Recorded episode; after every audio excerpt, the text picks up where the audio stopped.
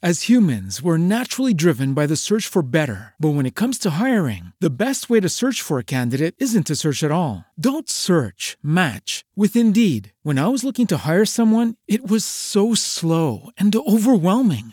I wish I had used Indeed. If you need to hire, you need Indeed. Indeed is your matching and hiring platform with over 350 million global monthly visitors, according to Indeed data, and a matching engine that helps you find quality candidates fast. Ditch the busy work. Use Indeed for scheduling, screening, and messaging so you can connect with candidates faster. And Indeed doesn't just help you hire faster. 93% of employers agree Indeed delivers the highest quality matches compared to other job sites, according to a recent Indeed survey. And listeners of this show will get a $75 sponsored job credit to get your jobs more visibility at Indeed.com slash podcast. That's Indeed.com slash podcast. Terms and conditions apply.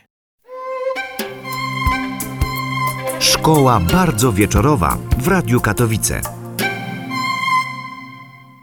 Dobry wieczór Państwu. Szkoła bardzo wieczorowa Polskiego Radia Katowice, a w niej wykład pani Eweliny Sobczyk-Podleszańskiej o przedstawicielu Młodej Polski, o wspaniałym poecie Kazimierzu Przerwie Tetmajerze, który jawi nam się jako osobowość niezwykła. My pamiętamy jego wiersze, na przykład taki pasus lubię, kiedy kobieta w mych ramionach omdlewa i tak dalej, ponieważ erotyki pisał wspaniałe, ale nie tylko. Miał bardzo ciekawe życie, niebanalne, jakbyśmy powiedzieli, był mężczyzną nietuzinkowym. Przypomnijmy tylko, że urodził się 12 lutego 1865 roku w Ludźmierzu, natomiast zmarł 18 stycznia 1940 roku w Warszawie. I ten epizod warszawski chyba też przypomnimy, ponieważ był bardzo ciekawy. Była wojna, Polska pod okupacją, w Warszawie pełno Niemców, a on sobie mieszka w hotelu, jakby nic się nie stało. Pani Ewelino, Kazimierz Przerwa Tetmajer urodził się jako syn Adolfa Tetmajera i jego drugiej żony Julii Zgrabowskiej. Ale powiedziałabym jeszcze, że zaczęliśmy od tego, że był to poeta, rzeczywiście można by powiedzieć, że taka ikona młodej Polski, ale pamiętajmy, że również przekładany na 16 języków, a więc popularny nie tylko w Polsce. A oprócz tego, że był poetą, no to był dziennikarzem również, był dziennikarzem, był działaczem polityczno-społecznym, o czym rzadko kiedy się pamięta. Był również powieściopisarzem. I no nowelistą. I nowelistą, owszem, i bohaterem e, licznych opowieści. Opowieści, ale również bohaterem utworów literackich, bo przecież pamiętamy go jako poetę z Wesela Stanisława Wyspiańskiego. Pan e, poeta, pan poeta. Słowa, słowa, słowa, słowa. Wymienił pan rodziców, do tych rodziców za momencik wrócimy, ale ja jeszcze nie zapominałabym o tym, że był znanym bratem znanego brata, bo przecież był bratem przyrodnim Włodzimierza Przerwy Tetmajera. Który też zaistniał w weselu. Jako gospodarz, gospodarz, ale powiedzmy, że to również był artysta, tylko tym razem artysta malarz. No można by rzec, że to byli obydwaj malarze, tylko jeden posługiwał się pędzlem, no a drugi posługiwał słowem. się słowem. Tak, rzeczywiście Kazimierz Przerwa Tetmajer urodził się w Ludźmierzu, e, no i powiedzieć, że ta rodzina miała na niego ogromny wpływ, no to w zasadzie zasadzie byłby to truizm, ale w tym wypadku no to jest taki truizm, który po prostu jest prawdą. Rzeczywiście ten brat miał na niego wpływ bardzo duży, wprowadzał go, można by powiedzieć, w taki obręb sztuki. Jeśli zobaczymy jakich znajomych e, miał Kazimierz, to w zasadzie oni byli starsi od niego o 3-4 lata, bo byli to tak naprawdę bardzo często koledzy Włodzimierza. No a jeśli mówimy o rodzicach, no to można by powiedzieć, że z rodziców bierzemy i to, co dobre, i to, co nieco gorsze. I w przypadku no, genów nie wydrapiemy. No jak... niestety, niestety. Też ta prawda się w jakiś tam sposób powtórzyła. Kiedy on się urodził, jego ojciec miał już 52 lata, a więc powiedzmy, że był mężczyzną nie najmłodszym, mężczyzna z przeszłością chlubną i niechlubną, bo przecież był to powstaniec styczniowy, ale również powstaniec listopadowy, więc można by powiedzieć, że taki żołnierz z krwi i kości, po amatorsku parający się też trochę układaniem wierszy. Natomiast to, co Kazimierz po nim wziął, to chyba nie jakieś skłonności do intelektualizowania, ale raczej takie wielkopańskie ambicje. Trudno powiedzieć właściwie, jakie było pochodzenie Tetmajerów. Jeszcze jeden z jego przodków podpisywał się jako Tetmajer przez dwa T i Y zamiast J, von przerwa.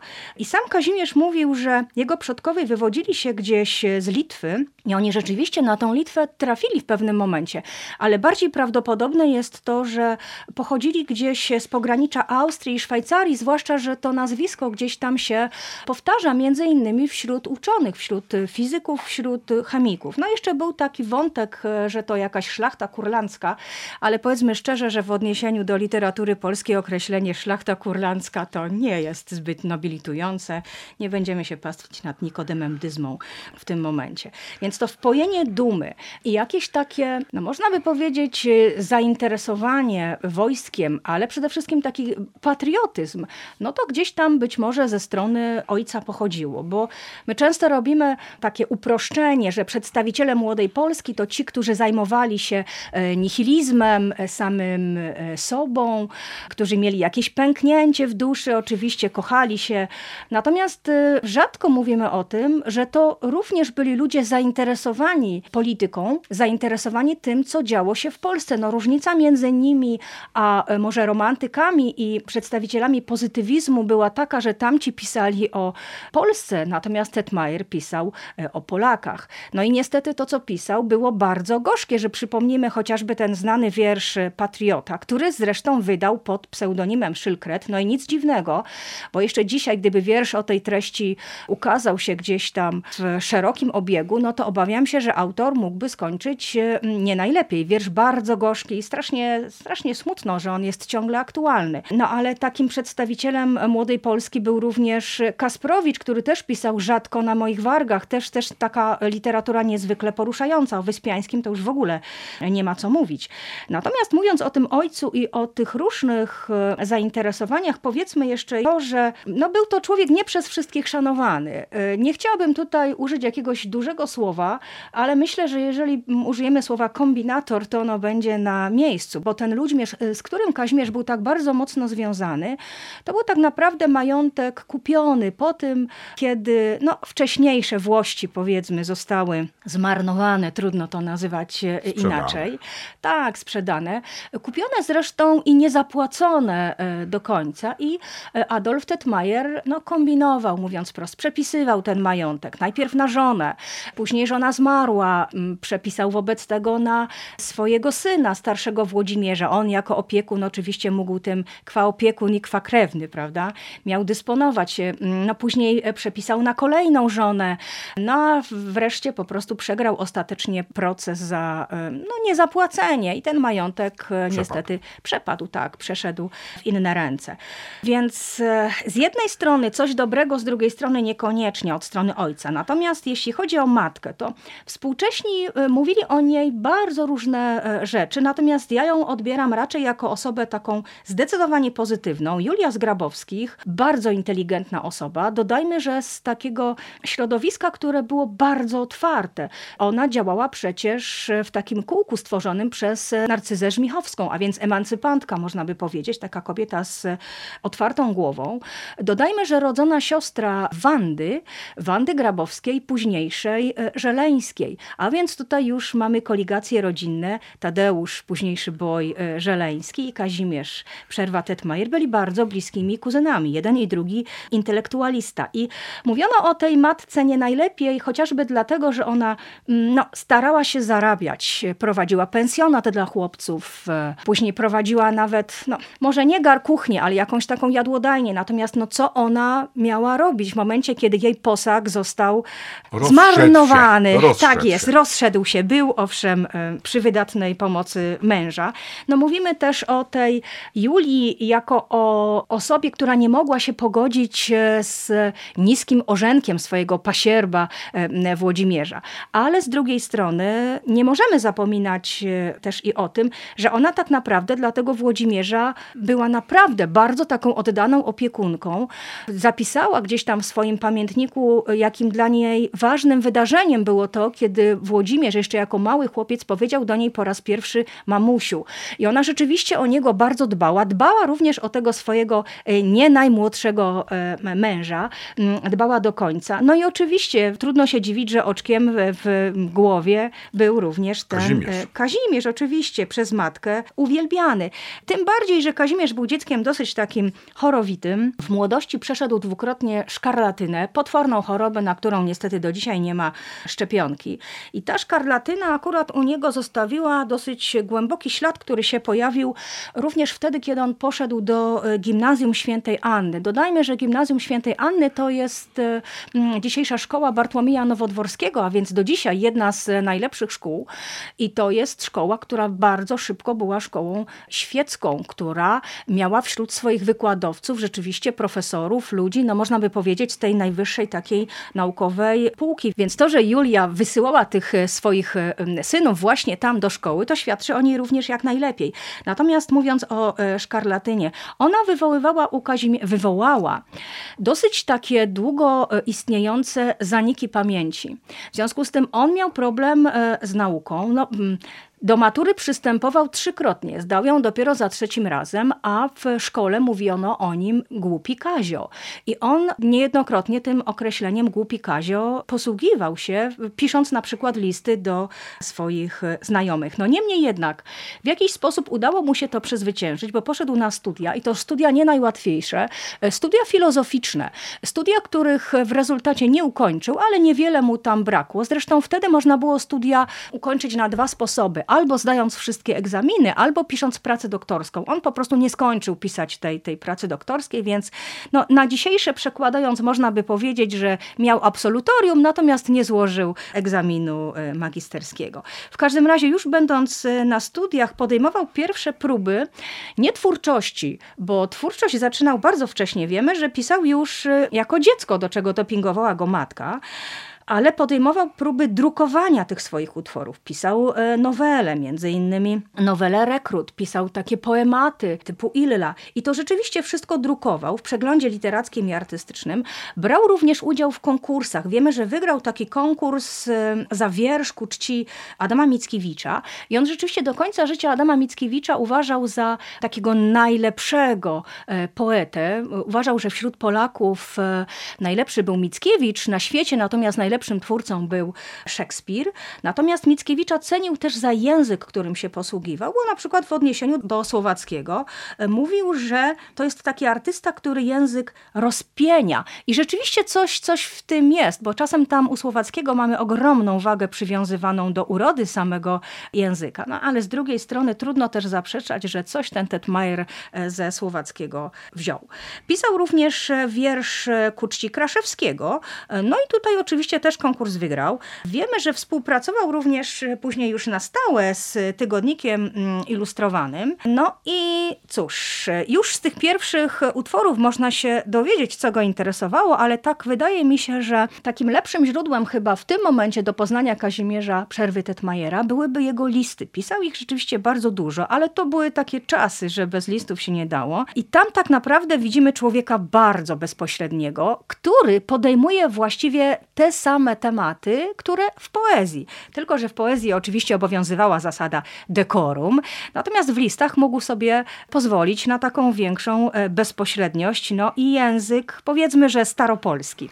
Ale tam też widzimy człowieka, który nieustannie zabiega o to, żeby zarabiać, żeby go drukowano, żeby go dodrukowano, przedrukowywano. I widzimy również takiego człowieka, który jest bardzo łatwo skłonny do urazy. On wiecznie się na kogoś obraża. Oczywiście później przeprasza, jakoś stara się sytuację załagodzić. No ale z drugiej strony można by powiedzieć, że takich w tym czasie było więcej. No, przywołajmy znowu Wyspiańskiego, który się obraził na Rydla za to, że zaprosił go na wesele bez żony. No, powód słuszny, dodajmy. No ale mówiliśmy o tej współpracy z gazetami, ale tym, co on tam drukował, to były również utwory poświęcone pięknu natury, ponieważ on, co prawda, do Ludźmierza już nie wrócił. Później, kiedy już był znacznie starszy, odwiedził ten Ludźmierz e, jadąc wozem, ale tylko e, z daleka, tak jakby się bał takiej konfrontacji ze swoimi dziecinnymi wspomnieniami. Natomiast właściwie każde wakacje spędzał w Tatrach. E, spędzał w Tatrach razem z Jerzym Żuławskim, z Bojem Żeleńskim.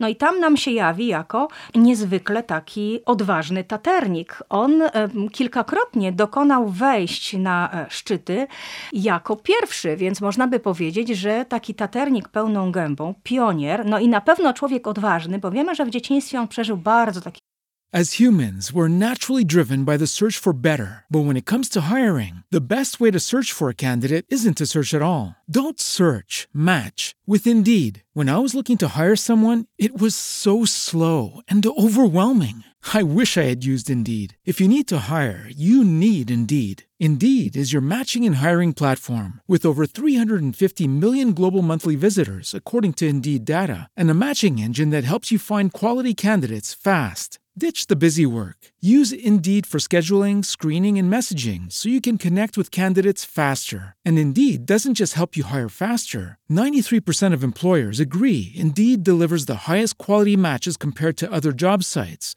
according to a recent Indeed survey. And listeners of this show will get a $75 sponsored job credit to get your jobs more visibility at Indeed.com slash podcast. That's Indeed.com slash podcast. Terms and conditions apply. Lucky Land Casino asking people what's the weirdest place you've gotten lucky? Lucky? In line at the deli, I guess? Aha, in my dentist's office. More than once, actually. Do I have to say? Yes, you do. In the car before my kids' PTA meeting. Really? Yes. Excuse me, what's the weirdest place you've gotten lucky? I never win and tell. Well, there you have it. You can get lucky anywhere playing at LuckyLandSlots.com. Play for free right now. Are you feeling lucky? No purchase necessary. Void where prohibited by law. 18 plus. Terms and conditions apply. See website for details. Przykry wypadek. Mianowicie jako chyba 10 albo 11-latek odpadł e, od skały w Dolinie Strążyskiej, no i uratował mu życie Seweryn Goszczyński, też poeta, może mniej znany, ale jednak, który go złapał po prostu w ostatniej chwili. momencie, tak? Więc przezwyciężyć w jakiś sposób swój lęk, swój strach, no to też świadczy o nim, no można by powiedzieć, jak najlepiej. Pójść tą samą ścieżką na szczyt. Dokładnie tak. No i znowu możemy się zatrzymać na chwileczkę i powiedzieć, że w tym momencie mamy przed sobą Tetmajera jako człowieka młodego, zdrowego, więc y, no, tu jeszcze brakuje nam takiego jednego e, słowa, powinien być szczęśliwy. Ale z tym szczęściem, no coś, coś było mu nie po drodze. No po pierwsze ojciec stracił ten majątek i on miał do końca życia taki kompleks szlachcica trochę bez ziemi. Z drugiej strony, no było pewnym znakiem czasu to, że ludzie byli pod wpływem filozofii Schopenhauera, filozofii niczego. Ten nihilizm gdzieś się unosił w powietrzu, a przypomnijmy, że Tetmajer studiował filozofię, więc to, co dla innych było modą, dla niego było tym, co on po prostu bardzo dobrze, bardzo dobrze znał. No i cyganem na pewno nie był. On pił stosunkowo mało. On na pewno nie był jednym z tych, którzy gdzieś tam na murku przykryci niedopraną peleryną, powiedzmy, mógł sobie podrzemywać. Natomiast szedł raczej w stronę takiego dandysa, e, który dbał niezwykle o higienę, zawsze był e, bardzo dobrze ubrany. No ale no właśnie, no, z tym szczęściem było coś mu mm, nie po drodze. Tadeusz Bojżaleński mówił, że w zasadzie od dzieciństwa było w nim jakieś takie pęknięcie. No może po prostu był melancholikiem, dzieckiem Saturna, jak, jak e, wtedy mówiono. A mówiąc o takim nieszczęściu, no to można by powiedzieć jeszcze jedną rzecz, że przez całe życie to był człowiek, który zmagał się z biedą, a potrzeby miał duże. Powiedzieliśmy o dandyzmie, no ale tutaj też potrzebami były kobiety i to te kobiety z rodziny, bo on cały czas miał taki kompleks, że nie może utrzymać tej matki, że matka rzadko kiedy mieszka w, w swoim własnym mieszkaniu, bo tego mieszkania po prostu nie ma. Tuła się gdzieś tam pokrewnych. No a z drugiej strony potrzebował pieniędzy na te kobiety, powiedzmy, które bardzo często były takimi kobietami nie najcięższego autoramentu. O kobietach Kazimierza Przerwy Tetmajera, ale również i o jego twórczości.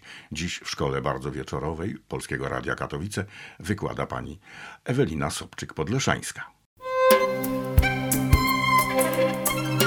Szkoła Bardzo Wieczorowa w Radiu Katowice. Nie śpi, bo nie będziesz wiedział. Wracamy do kobiet i do jego fascynacji płcią piękną. No i może jednak do wątku biedy, bo to się u niego jakoś tak e, splatało. Mówiliśmy o tym, że był przedstawicielem Młodej Polski i rzeczywiście niektórzy nawet datują początek Młodej Polski od wydania przez niego e, drugiej e, serii poezji. Ta druga seria została wydana w 1894 roku, natomiast pierwszą wydał w 91, ale wszystko to wydawał tak naprawdę za własne pieniądze.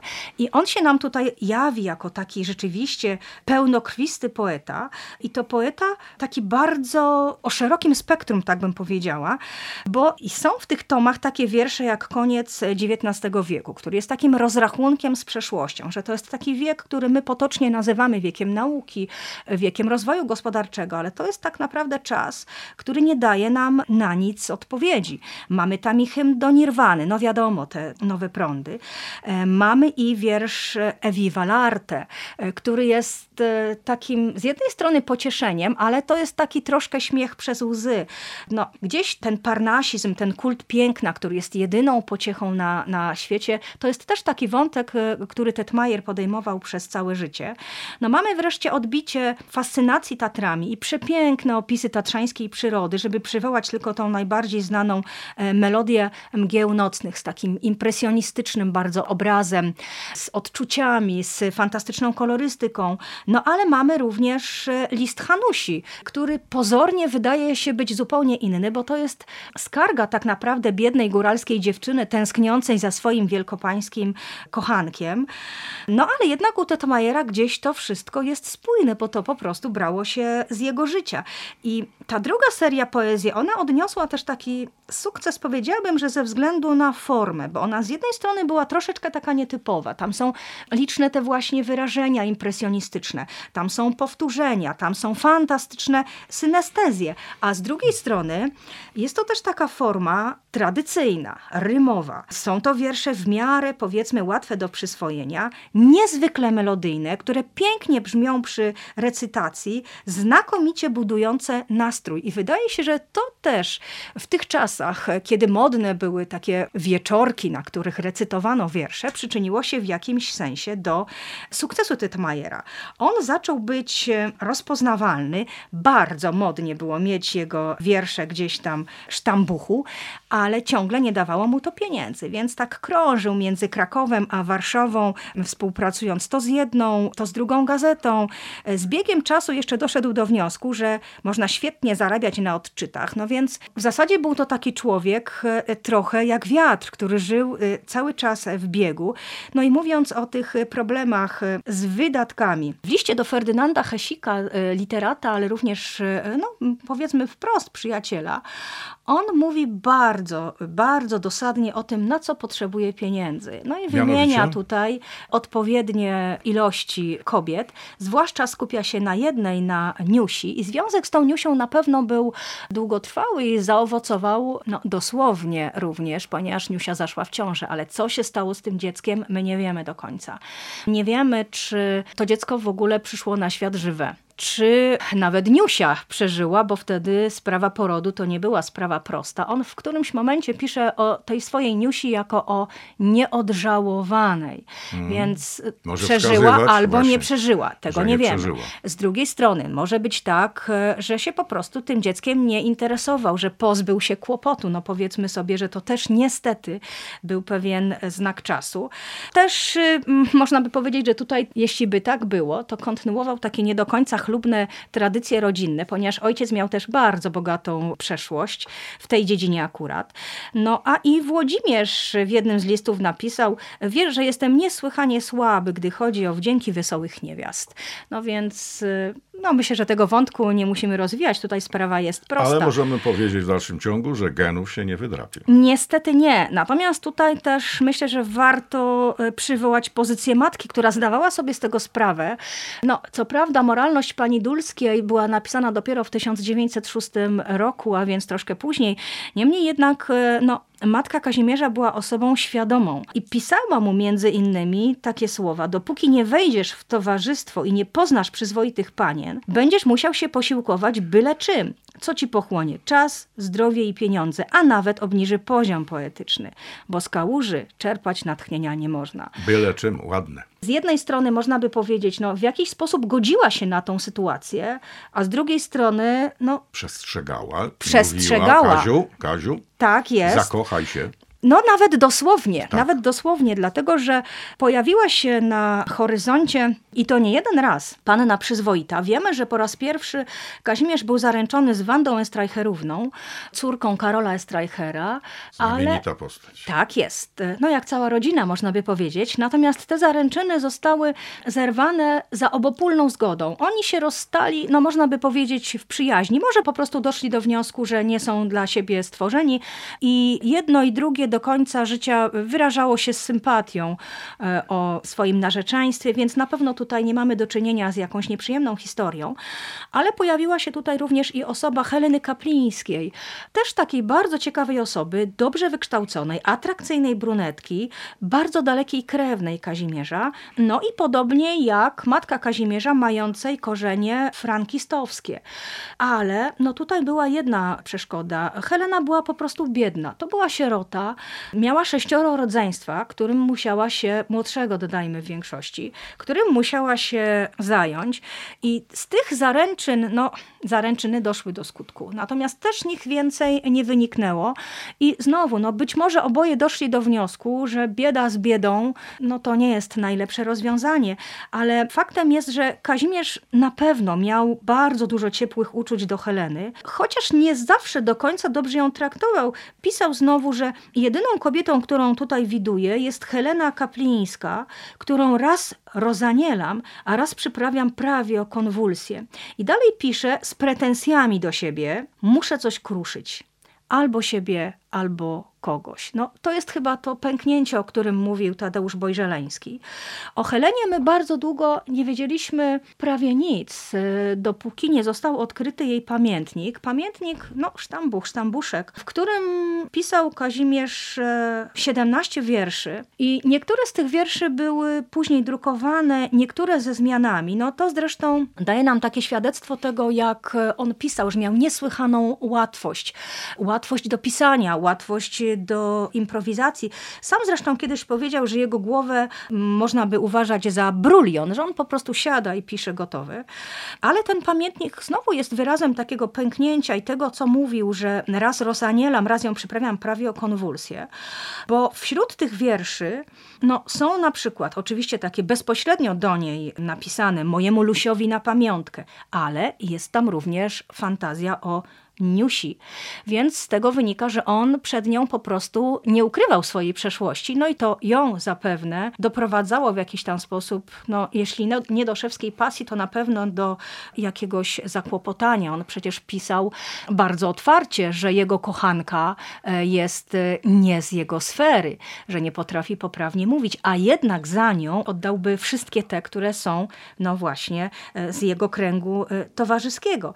No można by się zastanowić, też oczywiście, co było takiego fascynującego, e, co przyciągało do Tetmajera e, kobiety, nawet jeżeli nie traktował je zbyt dobrze. No i chyba odpowiedzią tutaj jest to, że on miał faktycznie niezwykły taki poetycki talent. Pisał na przykład do Heleny we fragmencie wiersza Twarz twoja cudna, Twe ciało nęcące czarem dziwiczym, to wszystko kiedyś być musi garsteczką prochu niczym. Więc takie powiedziałabym bardzo prowokacyjne podejście, łączenie jakiegoś takiego erosa z Tanatosem, bo pisze dalej, ja chciałbym kiedyś być grobem, co zwłoki twoje uściśnie. No, muszę przyznać, że to rzeczywiście w jakiś tam sposób działa, a na pewno działało e, na osobę wykształconą, bo Helena Kaplińska była może osobą biedną, ale na pewno była taką panną modern, która wiedziała, co się dzieje na świecie.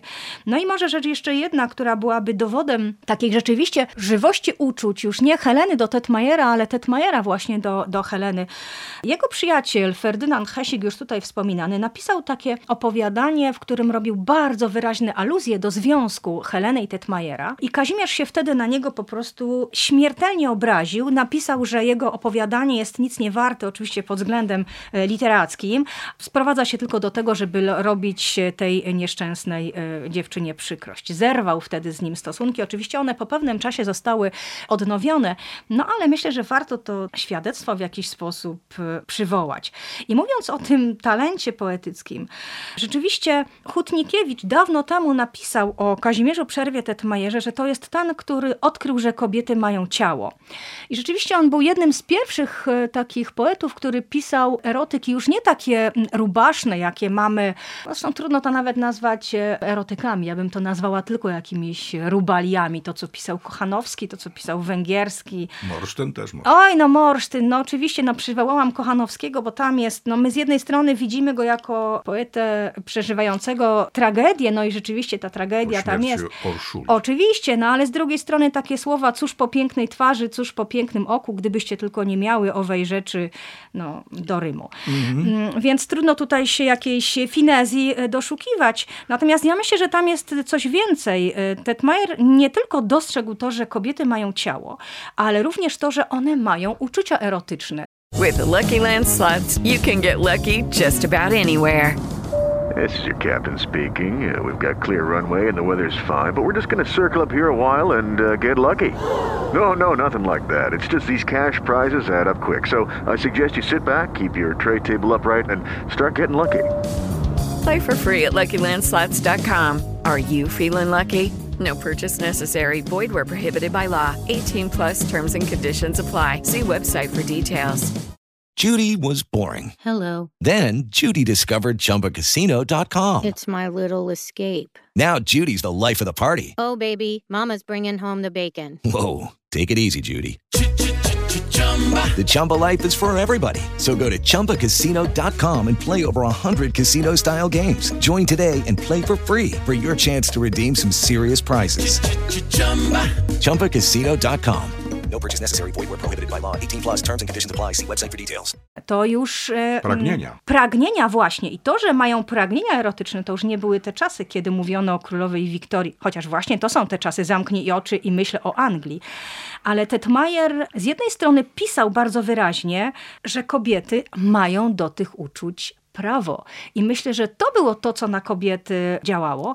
A z drugiej strony on też potrafił pisać y, od y, zupełnie innego punktu. Na przykład w wierszu Widziałem Ciebie, on jest tam prawie jak taka zapłoniona panienka, że widział raz i już to wywołuje w nim jakieś takie wzruszenia, więc sam przyznawał się do tego, że nie jest takim jakimś zdobywcą, e, jakimś maczystą, tylko sam ulega jakimś e, takim uczuciom, no można by powiedzieć, e, miększym. Wyższym. Wyższym, tak, Nawet. oczywiście oczywiście, oczywiście. Inna rzecz, że o pewnym etapie twórczości Tetmajera można by powiedzieć bardzo brzydko, że w zasadzie wszystko mu się kojarzyło z jednym. Bo nawet wtedy, kiedy pisał przepiękne rzeczywiście wiersze poświęcone sztuce, no bo parnasista to po pierwsze, a po drugie no, odbywał liczne podróże, widział wiele zabytków na własne oczy. Pisał na przykład o dyskobolu, nie wiem czy możemy tutaj przywołać fragment. Przywołaj. I on oczywiście opisuje na jego marmurowe, nagie, smukłe ciało, oliwą namaszczone, złotawe, błyszczące, pada greckie, promienne, uśmiechnięte słońce. E, Przygiął się, dysk w stalowych palców ścisnął kleszcze i puenta. Kobietom w białych piersiach serce pić przestało, a boskie uda słodkie wstrząsają im dreszcze. No, dodajmy, że tutaj akurat popełnił błąd Tetmajer, bo oryginał dyskobola był odlany z brązu, ale o tym mógł po prostu nie wiedzieć. No i można by się zastanawiać, czy wiedział to, że kobiety tak naprawdę nie mogły być świadkiem tego rzutu dyskiem, ponieważ kobiet po prostu na igrzyska Nie wpuszczano. nie wpuszczano. No ale być może specjalnie nagiął, być może nie. Ale być może skutkiem takich właśnie wierszy było i to, że on nie mógł uwolnić się od wielbicielek. I to z jednej strony w jakiś sposób e, łechtało mu na pewno jego dumę, jego próżność męską, a z drugiej strony tak, niesłychanie go irytowało, ponieważ on chciał być poetą dla wszystkich, a nie tylko poetą dla kobiet. No i w dodatku to życie jego stało się niezwykle uciążliwe, ponieważ on miał swoje wielbicielki, które po prostu za nim wszędzie jeździły. No można by powiedzieć, że grupis to, to nie jest wynalazek, jakby niektórzy chcieli. E, Współczesności. Współczesności i, i, i nie trzeba być Beatlesem, żeby mieć e, takie właśnie fanki. Tak jak i przepisywanie majątku na żonę jego ojca. Tak, to owszem, to również nie jest wynalazek współczesny. W każdym razie te kobiety nie dość, że e, zanim wszędzie jeździły, no to jeszcze siadały przed oknem domu, które on wynajmował. Mało tego, podglądały go nawet przez dziurkę od klucza. On opisuje taką historię, kiedy w pewnym momencie już nie mógł wytrzymać i jednej z takich wielbicielek po prostu pokazał język. No ale oczywiście y, dopisał sobie w komentarzu, że zapewne nawet ten wyciągnięty język był zinterpretowany, że wielbicielka zauważyła go jak zlizywał nektar poezji albo coś y, w tym stylu. No więc cóż, nasz bohater z Heleną się rozstał. Na pewno chciał adorować jakieś inne panie.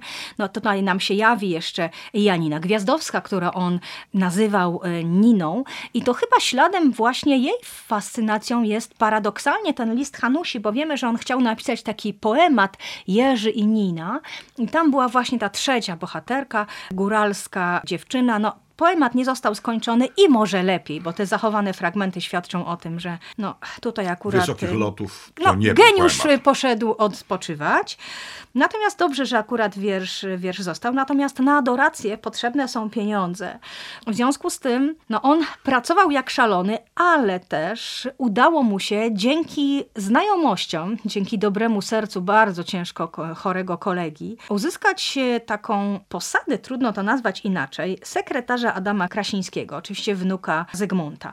I on miał być tam bibliotekarzem, ale skończyło się na tym, e, że był tak naprawdę taką osobą do towarzystwa. Sam się nazywał lokajem i strasznie się na to zrzymał, no bo z jednej strony miał pieniądze. Razem z Krasińskim e, odwiedzał Heidelberg. Miał okazję do kontaktu z uczonymi, miał okazję do kontaktu z artystami, zwiedzał Europę Zachodnią. No ale z drugiej strony dobrze zarabiał, a jeszcze lepiej wydawał, chociaż można by powiedzieć, że w zasadzie jeszcze e, gorzej wydawał. No i miał nieprawdopodobne istotnie przygody, o których e, pisał, że niektórzy to lubią, a dla niego to jest niestety nauk. Gdyby tak e, nakręcić film o tych jego przygodach, to zastanawiam się, które kino odważyłoby się w ogóle coś takiego puścić. Nawet dziś? Tak, myślę, że. A może szczególnie? Myślę, że nawet dziś, no może szczególnie, może szczególnie dziś. Te mm, przygody, one no czasem są takie, no można by powiedzieć, groteskowe, bo pisze, że znalazł jakąś dziewczynę, poszedł z nią do hotelu, ale z tego hotelu go wyrzucono, ponieważ nie miał za bardzo czym zapłacić. No bo już wydał, oczywiście na jakąś inną panią, więc poszedł do innego hotelu, tam usiłował zapłacić złotym łańcuszkiem. Też nie do końca to zostało dobrze przyjęte, w związku z tym no nie miał się gdzie z tą kobietą e, podziać i poszedł z nią na bal maskowy, bo tam oczywiście wszystko było dozwolone, nikt nikogo nie rozpoznawał. Na najlepsze było to, że na tym balu maskowym spotkał swojego protektora, Adama Krasińskiego, z jakąś inną panią, oczywiście również w maskach i w podobnym celu. Ale to już zupełnie inna rzecz. Myślę, że po prostu tym wszystkim był bardzo mocno zmęczony. I on sam też o tym wspominał niejednokrotnie, że kiedyś prawo do narzekań mieli ci, którzy mieli lat 70, natomiast on ma 30 i po prostu czuje przesyt, czuje znużenie, jest na siebie wściekły, że całą swoją młodość marnuje, no powiedzmy wprost, na domy uciech, na przybytki. W związku z tym postanowił pomyśleć o orzenku. Zwłaszcza, że poznał pannę Laurę Rakowską, pannę no nie niezbyt, y, niezbyt zamożną. Właśnie no to jest swoją drogą ciekawa rzecz. Panna była niezbyt zamożna, chociaż na pewno bogatsza niż on. Niezbyt urodziwa, ale jednak się z nią zaręczył. 6 grudnia 1896 roku. Y, wiemy, że na pewno bardzo był Laurą zajęty. Prosił między innymi wszystkich swoich znajomych literatów o wpisy do pamiętnika Laury. No innymi słowy, był rzeczywiście zakochany. Właśnie, czy był zakochany i czy to zakochanie później stało się jego szczęściem. O tym dziś w Szkole Bardzo Wieczorowej Polskiego Radia Katowice mówi pani Ewelina Sobczyk-Podleszańska, przypominając sylwetkę Kazimierza Przerwy Tetmajera. Szkoła Bardzo Wieczorowa w Radiu Katowice. Nie śpi, bo nie będziesz wiedział. Czy był rzeczywiście zakochany? Na pewno. I na pewno o Laurze myślał bardzo poważnie, skoro napisał jeden z najbardziej swoich chyba znanych wierszy, a kiedy będziesz e, moją żoną. Natomiast, no cóż, e, nie ożenił się z nią. Nie mógł się ożenić szybko. Po pierwsze dlatego, że był chory.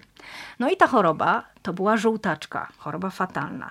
Ale nie jedyna. Pisał o tym zresztą też wprost. Choroba moja jest smutnym następstwem trypra, który wlazł w stawy. Czyli choroba weneryczna kiły. Czyli choroba weneryczna, nie pierwsza, e, dodajmy, ale pisał też do Hesika, że ma po prostu dość tych wszystkich panien, e, które za nim, panien, pań, które za nim e, krążą. Napisał dalej e, Ferdynandowi, możesz to powiedzieć paniom, które o mnie pytają i dodać, żeby na moją intencję nawzajem pocałowały się. Mhm. Dobrze. Nie taił tych, absolutnie tych, tych swoich zamiarów przed znajomymi. Włodzimierz go pocieszał. Brat Włodzimierz, no pocieszał go również, pisząc otwartym tekstem. Syfilis ma większość mężczyzn. Miał nasz ojciec, stary Żeleński, Jacek Malczewski, etc., etc. Stanisław Wyspiański. No, o tym już akurat nie napisał. Być może nie wiedział, bo sam Wyspiański o tym bardzo długo nie wiedział i objawy tej swojej choroby traktował jako objawy gruźlicze. Natomiast Włodzimierz powiedział najgorsze, że musisz parę lat czekać ze ślubem. No po prostu musiał czekać na wyleczenie. Wiemy, że próbował się wyleczyć na różne sposoby. Wodolecznictwo wtedy było jednym z takich nowych zupełnie prądów, ale Tetmajer nie miał złudzeń i wiemy, że przyjmował również zastrzyki rtęciowe. No właśnie, rtęć odgrywała dużą rolę w e, leczeniu chorób wenerycznych E, wówczas. No tak, i można było albo przyjmować te zastrzyki, albo używać tak zwanej szaruchy, czyli wcierać tą szarą maść, która również rtęć zawierała. No to było lekarstwo, które zabijało choroby, ale po części również pacjenta. Natomiast no, na salwarsan trzeba było jeszcze troszeczkę poczekać, chociaż z drugiej strony salwarsan zawierał arszenik, więc nie wiem, czy to też było takie dobre wyjście. W każdym razie do ślubu nie doszło i nie wiemy dokładnie, co o tym zdecydowało. Czy te roje wielbicielek, e, które no po prostu odstraszały potencjalne kandydatki, czy długi, no Kazimierz sam pisał w pewnym momencie, że ma tyle długów, że sam nie wie, co ma oddać i, i komu.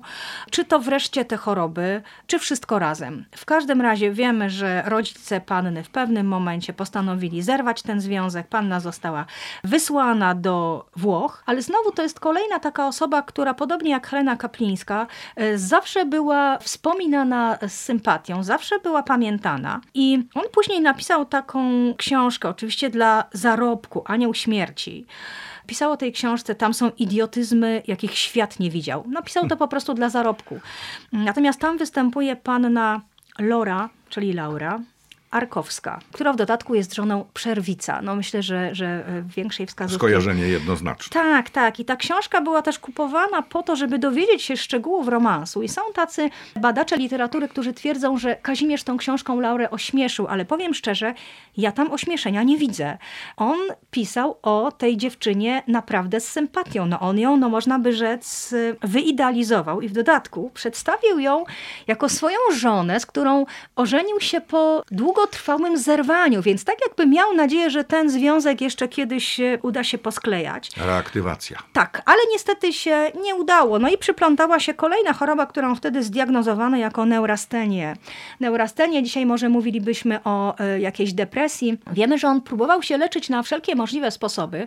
Skontaktował się między innymi z Julianem Ochorowiczem. To jest szalenie ciekawa postać. Y, fizyk, wynalazca. No można by się zastanowić, czy to nie jemu należy się palma pierwszeństwa jako wynalazcy telewizji, ale zajmował się telegrafem. Nie miał pieniędzy, żeby te wynalazki opatentować. Tak, niestety. A Muzeum Ochorowicza jest w Wiśle. Tak jest. Bardzo tak serdecznie jest. Państwa zapraszamy do odwiedzenia. Ochorowiczówce, bardzo tak. ciekawa rzecz, bo właśnie Ochorowicz miał też takie drugie pole zainteresowania i to była parapsychologia, no wtedy nie było pojęcia psychologii.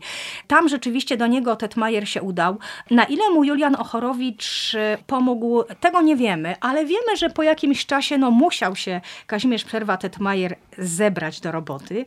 No i się zebrał. Napisał między innymi taką fantazję dramatyczną Zawisza Czarny i to o tym utworze prawdopodobnie e, mówi w Weselu. Taki mi się snuje e, dramat. dramat. Ale on tam mówi jeszcze jedne słowa. Historia wesoła, a ogromnie przez, przez to, to smutna. smutna. No i tak sobie za każdym razem jak czytam te słowa, to myślę sobie, że to jest coś, czym można by określić życie Tetmajera. Bo z jednej jednej strony te uciechy, te radości, ta chęć zapomnienia, pogrążenie się w jakiejś takiej nihilistycznej zabawie, a z drugiej strony no, ogromne, naprawdę ogromne tragedie, których życie mu e, nie szczędziło, a z drugiej strony takie tragedie, e, w które on się tak naprawdę pakował sam. I pisał też w takim wierszu Ironia, e, najstroższą męką, jaka cię nawiedza, jest twa świadomość, twoja samowiedza. A więc no, trudna rzeczywiście rzecz i na pewno historia ogromnie przez to smutna. Ale skoro mówimy o Zawiszy Czarnym, to on sam o tym Zawiszy napisał, że będzie to jeden z najszybciej pisanych dramatów na świecie, a wolałbym, żeby był jednym z najlepiej napisanych. Po prostu czas go gonił, nie miał czasu. Sam wiemy, że później pilnował wystawienia tego dramatu.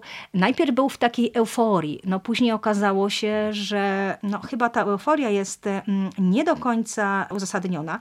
I być może tutaj można by winić problem z metodą, bo on, jak wspominaliśmy już wcześniej, on pisał niesłychanie szybko. Miał taką łatwość pisania.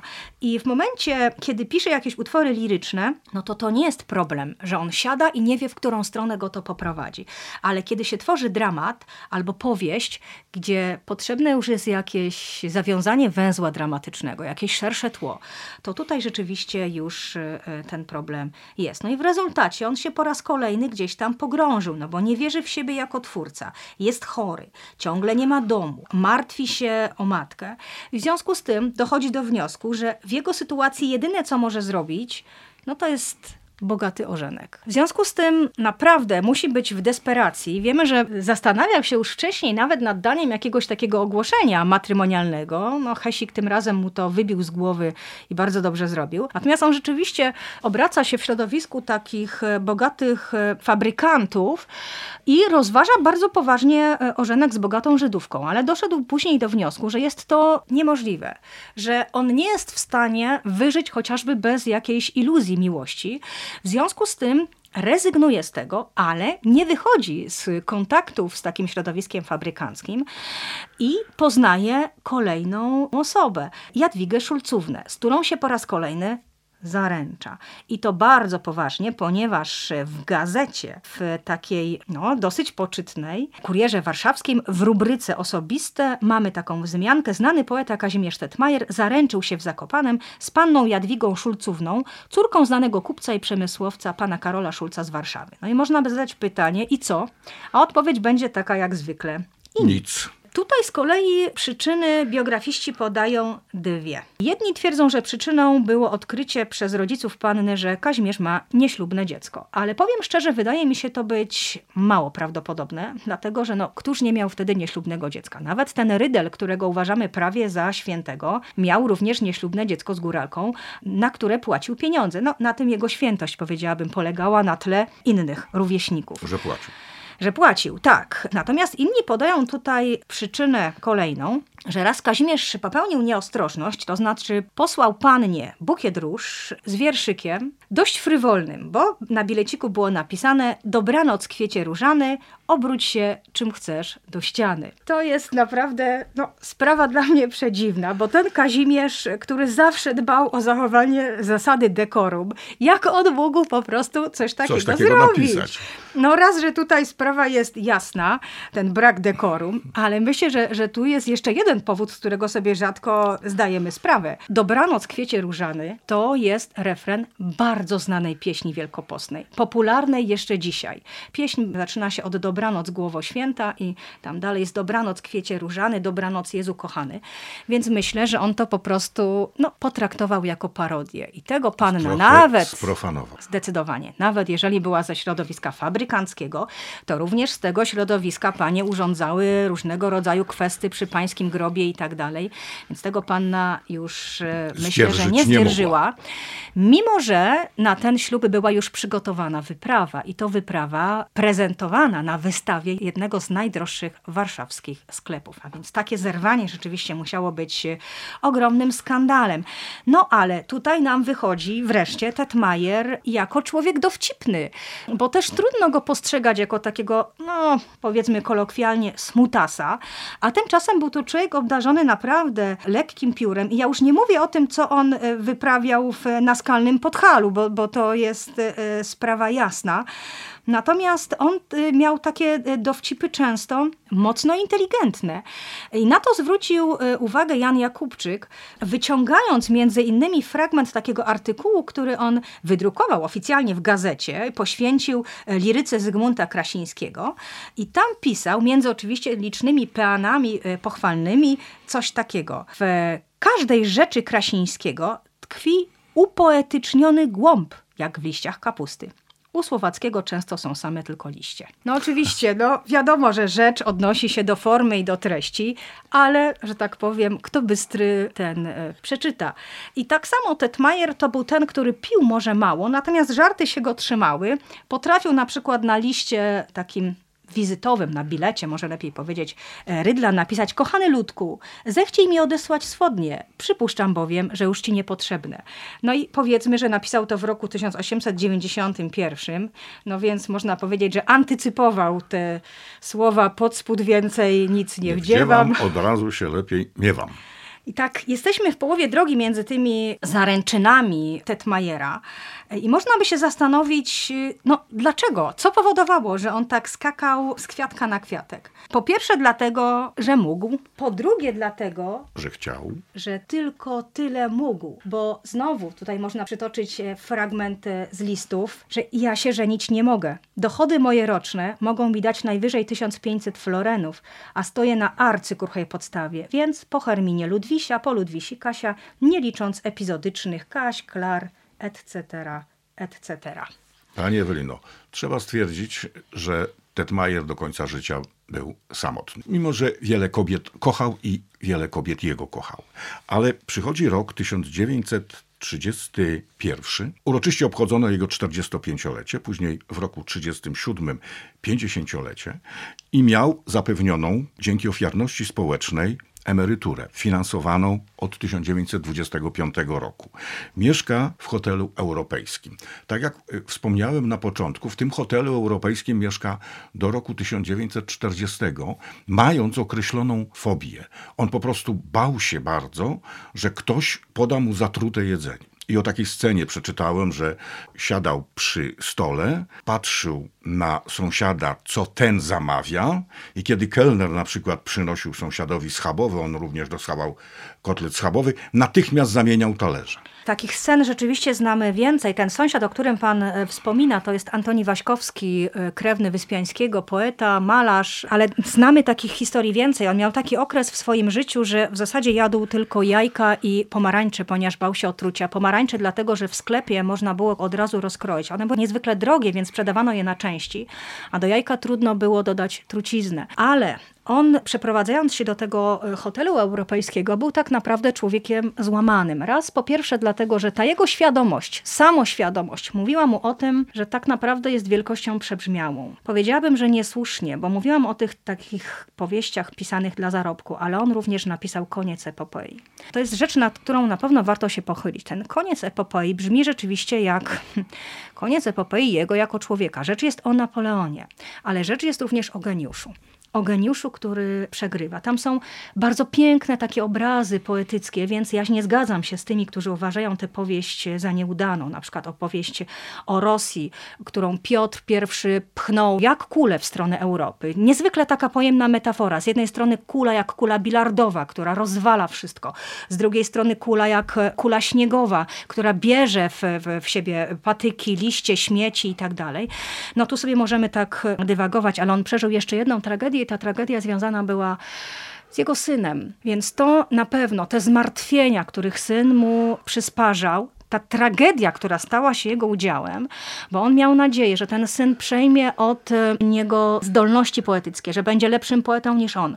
On się tym dzieckiem niesłychanie troskliwie zajął. To było dziecko jego i statystki teatralnej Izabeli Dębińskiej. Nie tylko, że je uznał, ale również, e, samo uznanie to jeszcze niewiele, on dalej byłby dzieckiem nieślubnym, a więc nie miałby wszystkich praw, ale on również doprowadził do tego, żeby uznano go za szlachcica, wyjednał to u samego cesarza. Niesłychanie dbał o otoczenie, o wykształcenie tego dziecka. No a syn niestety tych e, nadziei nie spełnił. I właśnie mówiąc o tej tragedii, nie wiadomo co było pierwsze, nie wiadomo co było przyczyną. Na pewno choroby, no wiadomo, że e, syfilis ma również swoją postać taką, która idzie w mózg po prostu, mówiąc wprost. Z drugiej strony te zmartwienia, wieczne jakieś takie e, trzepanie się o pieniądze. Syn, który wziął z niego to, co najgorsze, czyli skłonność do alkoholu i choroby weneryczne, mimo że był dzieckiem bardzo uzdolnionym. Tetmajer ma te swoje ataki obsesji, trafia do szpitala. W tym momencie jego matka już nie żyje. Dzieckiem nie ma się kto zajmować. Przestaje chodzić do szkoły. Później z tej szkoły jest wyrzucany. I tak nam się to wszystko po prostu powolutku nawarstwia. Mówiąc o tych obsesjach, on spał e, z bronią. Potrafił podejść pod drzwi hotelu, piętro wyżej, bo sądził, że tam jest ktoś, kto dybie na jego życie. On wpadał w takie stupory. Znajdowano go z kartką nie chowajcie mnie żywcem, przekujcie mi serce. A więc y, ogromna tragedia. I w dodatku on się odwrócił od całej rodziny, bo twierdził, że rodzina zapakowała go do szpitala dla psychicznie chorych, co zresztą było prawdą, bo tam umieścili go Tadeusz Bojżeleński i jego brat. Natomiast no, oni nie mieli po prostu w tym momencie innego wyjścia. Innego wyjścia. On był po prostu zagrożeniem e, nie tylko, e, nie tylko dla siebie. Zresztą w tym szpitalu go na jakiś czas potrafiono gdzieś tam mm, Podleczyć. No i wreszcie śmierć syna, która już była takim absolutnym dobiciem. Ten syn chorował już wcześniej leżał przez 6 miesięcy, on po stwierdzeniu zgonu nie pozwolił tego syna zabrać spokoju. To jest, to jest po prostu potworna zupełnie scena. Tetmajer powiedzmy, że był już wtedy niewidomy, był zupełnie ślepy. Siedział przy tym swoim synu, próbując e, mu wlewać do ust wino, sądząc, że on żyje. Błagał wszystkich, żeby zabrali jego syna z Warszawy do Krakowa, sądząc, że w Krakowie są e, lepsi, lepsi lekarze. lekarze. Tak. Nic w tym czasie nie je, nic w tym czasie nie pije.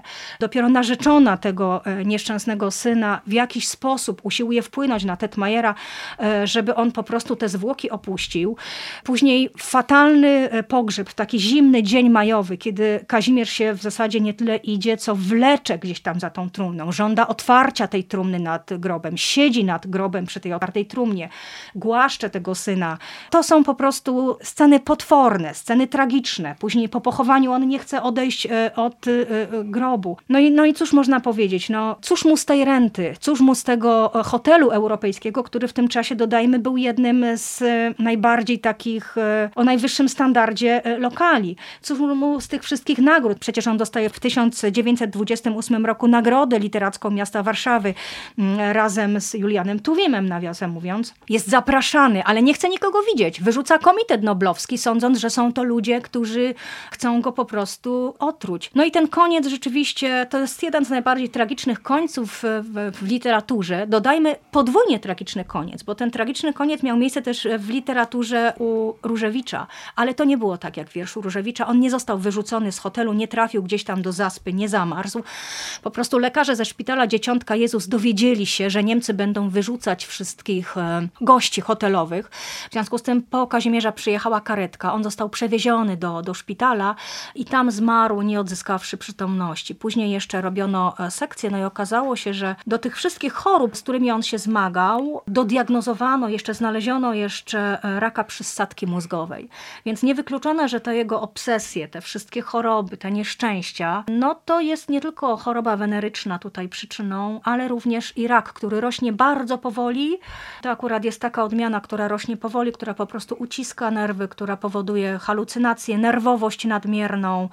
A do tego może jeszcze jedna rzecz, którą Kazimierz sam wskazywał. On mianowicie twierdził, że e, ulega zatruciu miedzią na skutek źle zrobionej sztucznej szczęki. I rzeczywiście, kiedy się przeczyta te objawy, jakie mogą być przy zatruciu miedzią, problemy z żołądkiem, może to jest również wytłumaczenie tej jego ograniczonej diety i również te omamy, nadmierna drażliwość, e, to też może być jedną z przyczyn. Kazimierz Przerwa-Tetmajer zmarł, przypomnę, 18 stycznia 1940 roku. Jest y, jego grób na Pęksowym Brzysku w Zakopanym, natomiast też jest y, na Starych Powązkach jego grób, ale tam Kazimierz nie leży. Nie, dlatego że on y, został pochowany zgodnie z testamentem na Powązkach w grobie syna, natomiast stosunkowo niedawno, w latach 90., dopiero te zwłoki zostały przeniesione na cmentarz na Pęksowym Brzysku. Można powiedzieć chyba tak, pani Ewelino, że Kazimierz Przerwa-Tetmajer wielkim poetą był, dziś trochę jest y, zapomniany, ale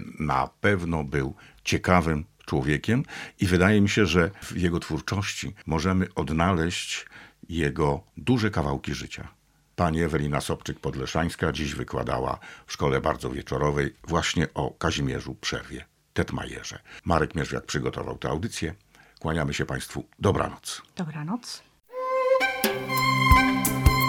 Szkoła bardzo wieczorowa w Radiu Katowice. With the Lucky Land slots, you can get lucky just about anywhere. This is your captain speaking. Uh, we've got clear runway and the weather's fine, but we're just going to circle up here a while and uh, get lucky. No, no, nothing like that. It's just these cash prizes add up quick. So I suggest you sit back, keep your tray table upright, and start getting lucky. Play for free at LuckyLandSlots.com. Are you feeling lucky? No purchase necessary. Void where prohibited by law. 18 plus terms and conditions apply. See website for details.